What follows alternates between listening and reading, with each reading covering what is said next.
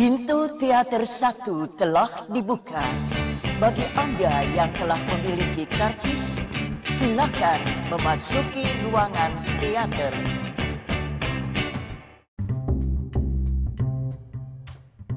Baik lagi sama gue Mustafa di podcast Habis Nonton Film. Kali ini, seperti yang kalian baca judulnya, gue akan membahas uh, salah satu film yang lebih rame dibacatin fansnya daripada filmnya itu sendiri gitu. Uh, film ini adalah Star Wars The Rise of Skywalker, uh, sebuah film penutup dari trilogi ketiga uh, saga Star Wars ya. Uh, dari pertama ada trilogi originalnya, terus ada trilogi prequelnya dan ini tri trilogi sequel nyebutnya gitu sih. Uh, gimana filmnya? Filmnya cukup membuat mixed feelings. uh, gue sebagai orang yang ya sudah sekitar berapa ya empat tahun empat tahunan lah ngikutin empat tahunan kali ya. Empat uh, tahun atau lima tahun ngikutin Star Wars secara mendetail gitu ya.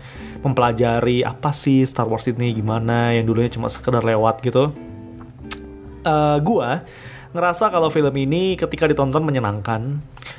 Uh, meskipun uh, ada beberapa plot cerita dan apa ya uh, alur yang sangat maksa sangat maksa banget uh, gue lupa gue pernah baca di mana tapi ini adalah film yang rasanya kayak tiga film digabungin jadi satu. Gue lupa siapa yang pernah nge-tweet nge-tweet itu ya, nge-tweet atau nge-review gue lupa gue baca di mana. Dan tapi gue setuju. Tapi gue setuju banget kalau ini adalah tiga film yang digabungin jadi satu. Karena apa? Karena banyak banget hal yang uh, gue rasa banyak perlu perlu slow down gitu, perlu pelan-pelan penuturannya, perlu dibuild dengan pelan, perlu perlu uh, perlu di digambarkan dengan dengan perlahan dengan rasa gitu ya tanpa harus ber to the point secara langsung gitu. Untuk beberapa babak di film uh, The Rise of Skywalker ini gitu karena gue ngerasa terlalu cepet cepet banget gitu ceritanya kayak editingnya kasar editingnya gue rasa kasar banget film ini ya uh, mungkin file aslinya atau rough cutnya itu sekitar 5 jam dan harus di cut jadi dua setengah jam. Yang gue rasain sih itu kayak cepet banget gitu. Dan uh, itulah. Tapi kalau nonton tetap seru sih kayak kayak kayak nonton Justice League gitu ya yang sebenarnya B aja yang biasa aja gitu. Tapi ketika Spy Superman muncul ya akan wow juga gue akan tetap teriak juga sih wow gitu. Sama Star Wars The Rise of Skywalker ini juga gitu di beberapa poin di beberapa titik adegan gitu gue ngerasa ah anjing keren gitu. Masih kayak gitu juga meskipun ceritanya kayak ah apalah ini. Oke okay, gue akan mulai spoiler ceritanya. Uh, jadi kalau lo tidak berkenan oke okay, pause atau close lah bebas. Uh, darah keturunan. Ini mengganggu banget sih sebenarnya. Um, udah beberapa kali ya kita di dikasih surprise kalau kalau darah itu adalah sebuah sebuah hal yang sangat sakral di Star Wars gitu. Jadi kayak misalnya Luke Skywalker adalah anaknya Darth Vader yang selama ini ternyata adalah Skywalker juga gitu. Uh, terus Kylo Ren yang ternyata juga Skywalker juga gitu kan udah dua kali ya. Uh, terus yang ini ketiga uh, meskipun bukan Skywalker tapi dia juga punya darah uh, Jedi gitu. Nah, no, Sith kali ya. Sith, Sith, sorry. Uh, darah Sith dari Palpatine. Jadi selama ini Rey adalah keturunan Palpatine yang kita nggak tahu juga kenapa secepat itu gitu ya. Jadi jadi jadi it, uh, istilah gini kayak kayak kita udah melenceng ke A B C D sampai X gitu ya sampai Y ternyata tuh Z-nya tuh nggak ada intronya nggak ada nggak ada nggak ada nggak ada jembatannya gitu loh. Tiba-tiba langsung jadi aja gitu. Kalau misalnya Ray itu anaknya eh cucunya Palpatine yang nggak nggak diceritakan gitu sih. Tapi sebenarnya udah di udah di udah dikodein sih sama sama Kylo Ren ya dari episode-episode awal gitu. Gue tahu siapa gue tahu tuh gue tahu lu tuh dari keturunan siapa dan dan bukan siapa-siapa pada sebenarnya. Ya orang tuanya bukan siapa-siapa cuma dia memang anaknya si Palpatine ini yang kita nggak tahu kenapa eh gimana keturunannya dia bla bla banyak lah. Uh, kalau misalnya ada waktu lagi sih gue akan browsing gimana sih struktur kalau kekeluargaannya gitu. Uh, garis darahnya tuh gimana sih? Gue gue pengen belajar sih kayak gue dulu belajar uh, Game of Thrones gitu ya. Sebenarnya akan seru uh, Rey itu sebenarnya darahnya dari mana? Ya meskipun pada akhirnya Rey merasa kalau dia itu keturunan Skywalker gitu. Anjing kok merasa sih? Dia mengakui gitu. Dia self proclaim kalau dia itu adalah Skywalker. Jadi Rey Skywalker gitu. Skywalker. Gue juga kayak gitu ya. Nama gue kan Mustafa aja yang gak punya nama belakang gitu ya. Jadi kalau ditanya orang gitu. Nama lu siapa? Uh, Mustafa. Mustafa apa? Terus gue akan menengok ke kanan. Terus ada dua orang muncul gitu ya Mustafa Skywalker anjay gitu ya gitu kali ya gitu aja. Gitu aja kali ya gitu itu itu adalah solusi buat lo ya teman-teman yang punya nama tunggal gitu ya nggak punya nama belakang gitu ya. Dan tidak terlalu pede untuk menggunakan nama bapak gitu ya. Ya udah gunakan aja Skywalker. Ray juga gitu kok tenang. Itu uh, apa ya? Editingnya tadi editingnya berantakan. Uh, itu yang yang terasa banget kayak patah gitu banyak banget yang tiba-tiba ke sana tiba-tiba ke sini itu tapi musik sih nggak usah diganggu gugat tidak perlu diperdebatkan lagi ya. Uh, John Williams berhasil sekali lagi menciptakan rasa uh, Star Wars yang begitu megah dan begitu spektakuler gitu ya. Dan ini adalah film terakhir John Williams untuk Star Wars. Karena uh, Star Wars ini kan akan dicanangkan tiga film lagi ya ada trilogi lagi dulu sih beritanya yang akan nulis itu uh, eh, DB West sama siapa? Uh, sama siapa dia bikin bikin Game of Thrones? Nah itu dia dia yang nulis dan yang ngedevelop, yang ngedevelop dia dan yang sutradarain si Ryan Johnson itu beritanya bulan Mei, bulan Juni tahun tahun ini. Uh, tapi kayaknya uh, DB itu mundur uh, dan kita belum tahu siapa yang akan menggantikan dan buat lo yang ngerasa kalau film ini berakhir percayalah. Disney itu begitu tamak men. Jadi dia akan selalu ngebuat lagi versi-versi lain dari Star Wars dan menurut berita yang gue baca terakhir uh, Star Wars ini nggak akan dibentuk lagi trilogi-trilogi gini loh tiga-tiga-tiga gini nggak. Jadi mereka akan mengikuti berseberapa banyak cerita yang diperlukan untuk menceritakan eh film itu akan mengikuti seberapa besar ceritanya. Misal nih, uh, ini kan sebenarnya trilogi yang sekarang ini itu cuma ngomongin Ray yang ingin mencari jati dirinya. Sadar nggak lo? Cuma itu doang sebenarnya yang pengen ngomongin tuh siapa sih Ray ini? Ray dari dari sudut pandang Ray itu siapa sih gue ini? Gue tuh posisinya dalam pertarungan ini ini itu apa? Gue tuh Jedi atau Sith gitu. Gue tuh siapa? Nah itu doang yang pengen dijawab tuh doang. Tiga film ini tuh ngecoba ngejawab itu doang itu doang sih maksudnya uh, dengan isi-isian per pertarungan bintang itu tadi gitu jadi adanya first order resistance final order gitu ya. Itu cuma jembatan untuk kita tahu siapa sebenarnya Ray itu sih menurut gua gitu. Secara garis besar log lainnya adalah uh, seorang gadis perempuan bernama Ray ingin menemukan jati dirinya karena ia memiliki kekuatan Jedi. Gitu aja udah. Nah nanti mungkin di di sequel sequel selanjutnya itu ceritanya bisa lebih lebih besar dari itu dan kita nggak lagi tiga filmnya bisa jadi empat bisa jadi lima atau bisa jadi dua atau bisa jadi satu.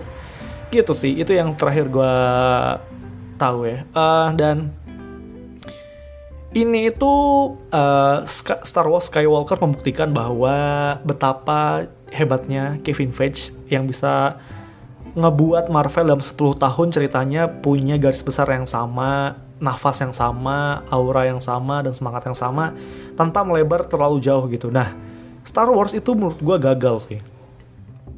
Kita kita bahas dari dari Star Wars 7 aja ya.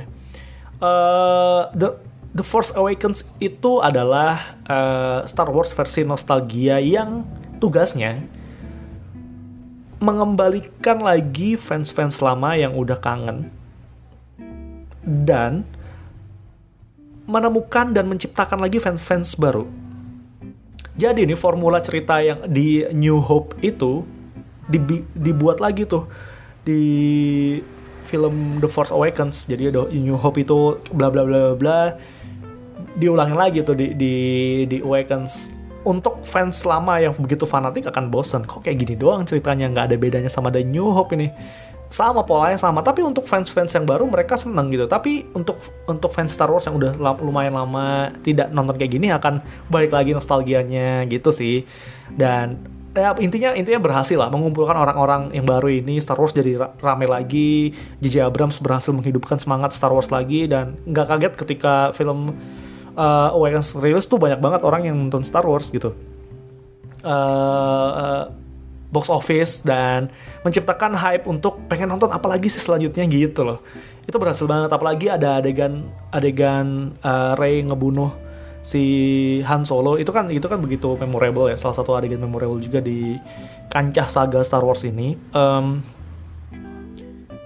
ya intinya berhasil. Nah uh, meskipun tadi meskipun tadi The Force Awakens itu ceritanya nggak pure dalam tanda petik fresh tidak asli tidak tidak nggak baru gitu nggak baru uh, kesalahan itu menurut gue dibenerin di The Last Jedi menurut gue nih ya meskipun ada beberapa yang rasa di The Last Jedi itu uh, semangat Skywalkernya hilang ada yang ngebahas Skywalker tuh lebih dari Jedi. Yang penting itu darah Skywalkernya bukan Jedi-nya. Gitu gitulah.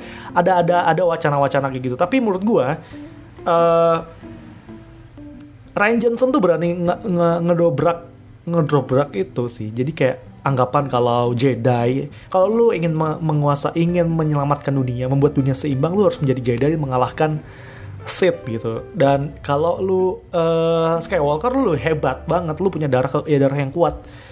Dan lu tidak boleh mengalah tidak boleh berhenti. Nah itu kan itu kan semangat di Star Wars sebelum sebelumnya nah Ryan Johnson berusaha ngedobrak itu dan menurut gue berhasil banget. Dan menurut gue yang gue tangkap dari dari Star Wars The Last Jedi adalah adalah harapan dari bentuk yang lain dari bentuk Unity dari bentuk yang apa ya yang begitu polos seperti si Rey tadi gitu. Jadi mereka berhasil selamat dengan dengan dengan pengorbanannya si Skywalker itu tadi ya si Luke sorry si Luke di The Last dan, dan fresh loh. Menurut gue The Last Jedi itu filmnya fresh banget. Nggak ngerti gue kenapa orang setelah nonton The Last Jedi kayak ngerasa apa nih film jelek?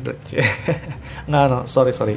Gue nggak ngejudge lo yang nilai film ini jelek tapi bingung aja gue bingung aja. Karena menurut gue The Last Jedi itu fresh. Uh, itu itu tadi. The Last Jedi berhasil mendobrak, menciptakan sesuatu yang baru. Memang kalau menciptakan sesuatu yang baru akan banyak yang yang nggak suka. Karena fans-fans lama Star Wars itu kan uh, sangat sangat apa ya punya pattern yang nggak boleh diloncatin dan nggak boleh dirubah sama Ryan Johnson. Sedangkan Ryan Johnson kayaknya ingin mencoba sesuatu yang baru dan ya berhasil. Menurut gue berhasil. Pindah lagi lah nih ke The Rise of Skywalker. Nah The Rise of Skywalker ini menurut gue ngelihat kesalahan di uh, The Last Jedi yang menurut mereka menurut Disney nih wah banyak banyak fans yang kecewa nih. Bahkan ada petisi ingin mengumpulkan uang untuk bikin film versi sendirinya gitu. The Last Jedi versi sendiri. Anjing itu paling konyol sih dia jadi nih ada segerombolan fans yang eh kita kumpulin duit kita bikin film sendiri The Last Jedi untuk untuk mengalahkan film yang sekarang. Tuh ada sempat ada loh wacana kayak gitu. Gue baca di Twitter dan gila sih lu gue, gue gila. Lu gak menghargai karya. Oke. Okay. udah rantingnya udah. Uh, itu Rise of Skywalker berusaha untuk menutupi apa kesalahan-kesalahan di The Last Jedi yang tidak boleh diulangin lagi gitu. Jadi ya ya dia lihat oh fans tuh maunya kayak gini loh. Kita tuang aja. Kita kita bikin aja. Oh ada fans yang bilang kalau uh, Ray itu anaknya Palpatine. Oke kita masukin aja gitu kayak gitu jadinya kayak dia ngambil input dari banyak fans untuk jadi satu gitu loh. Uh, kita bikin kayak gini, kita bikin kayak gini dan uh, itu sih sebenarnya kayak dia berusaha untuk menutupin kesalahan Last Jedi bukan men-encourage atau meng-emphasize itu enggak. Dia nggak meng-emphasize kebaharuan dan keberanian The Last Jedi tapi dia menutupin lagi. Dan menurut gue Ryan Johnson pasti pas nonton anjing lu kenapa jadi kayak gini lagi? Ada Abrams Abrams mungkin dalam hati kecilnya kayak gitu ya terus akhirnya dia bikin Knives Out dan Knives Out lebih seru daripada The Rise of Skywalker pada akhirnya gitu sih. Sebenarnya apa ya? Uh, banyak ya namanya juga Star Wars ya banyak hal-hal yang tiba-tiba diketahui. Eh kayaknya dia ada di sini. Kita harus ke sana. Gimana kalau kita ke sana? Kita dapat. Oh kita harus ke sini lagi. Ya itu standar lah di Star Wars. Sering banget ada kayak gitu. Tapi ya gue enjoy. Selama nonton gue enjoy. Banyak hal-hal yang memukau juga sih. Tapi setelah nonton kayak kok kayak gitu doang ya sebenarnya ya? Kayak masa kayak gitu sih? Penyelesaiannya kayak gitu sih. Gitu sih gitu sih bro gimana ya bro uh, Uh, The Rise of Skywalker. Tadinya gue berharap The Rise of Skywalker ini adalah film terbaik gue tahun 2019. Ternyata tidak. Sepertinya pilihan gue jatuh kepada Merit Story. Nomor 2-nya ada Joker. Uh, itu doang sih yang bisa gue yang di tahun ini. Uh, apalagi? Um, apalagi ya soal The Rise of Skywalker ya? Pengen marah-marah apa lagi? Banyak sih gue. Gue takut takut emang Uh, lo kalau misalnya lo punya komentar soal The Rise of Skywalker ya komen di aplikasi Noise karena ini kan akan diupload di aplikasi Noise. Uh, lo tuangkan aja di sana ada kolom komentar lo bisa bisa komen di sana lo bisa kasih gift bisa kasih apalah di sana. Gue jadi gue bisa bisa baca komentar lo juga gitu. Uh, intinya sih dari trilogi ini The Rise of Skywalker tuh paling bawah rasanya. Pertama Last Jedi, kedua The Force Awakens, ketiga ini. Itu itu itu, itu udah jelas. Uh, sepertinya Disney terlalu bermain aman dan kalau kata teman-teman sinema ini ya gitu ya fuck Disney anjir. Keras banget men bahasanya. Ya namanya ya Disney itu memang nyari keuntungan lah. Kita mau berharap apa ya gue gua sedikit recall lagi uh, eh, gue pernah nonton di dokumenternya Spielberg atau siapa gue lupa. Teman-teman gue atau baca gue baca artikel gue lupa. Jadi uh, George Lucas, Spielberg, Scorsese, De Palma, terus itu itu itu mereka itu satu geng ketika memulai karirnya gitu ya. Satu geng lah satu tongkrongan gitulah. Nah ketika George Lucas bikin film Star Wars ini uh, itu De Palma ngasih ngasih insight gitu. Ketika jadi jadi Lucas itu bikin screening gitu ya bikin screening untuk teman-temannya. Terus mereka bilang uh, film lu tuh aneh men. Dia dia bilang ke film Star Wars yang dulunya uh, Star Wars gitu kalau nggak salah dulu. Film lu film lu tuh aneh men. Film lu tuh nggak jelas. Tiba-tiba ada di dunia apa bertarung tuh gara-gara apa itu nggak jelas tolong jelasin ke kita dong kayak gimana nah De Palma itu ngasih insight kalau lu harusnya kasih penjelasan di awal cara teks gitu. Nah, itulah yang menjadi opening crawl sampai sekarang yang melegenda. Itu datangnya dari De Palma. Gitu. Nah, berjalan kemudian Star Wars Star Wars sukses itu teman-teman mereka ngerasa uh, George Lucas ini bukan filmmaker tapi bisnismen karena apa karena George Lucas itu meningkatkan siapa tuh manggil uh, George Lucas itu meningkat cuma ingin membuat bisnis Star Warsnya sukses. Star Wars tuh skalanya bisnis ya udah bukan film doang. Merchandise-nya jalan gamenya jalan bajunya jalan IP-nya jalan.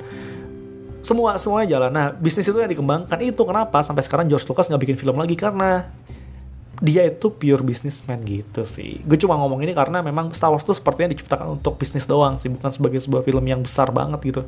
Ya ada filosofi, ada ada ada mitologi mitologi di sana, ada filosofi, ada ada makna-makna di sana. Tapi uh, George Lucas sebagai pembuatnya, menurut gue memang uh, membuat film ini sebagai ya sebagai bisnis, sebagai objek gitu untuk membuat keuntungan dan ketika dijual ya kan kita berharapnya film ini idealis gitu ya. Just Lucas tuh menciptakan sebuah uh, pop culture yang tidak tertandingi Star Wars, wah Jedi, Sith, kebaikan, keburukan. Eh pada akhirnya dijual juga pada Disney yang kapitalis banget gitu sih. Ya, ya mau gimana? George Lucas mungkin butuh uang yang banyak untuk menikmati masa tuanya ya. Uh, itulah The Rise of Skywalker gue berharap gue sangat berharap uh, installment-installment selanjutnya Star Wars dalam sebuah film itu dipegang oleh orang yang tepat ya.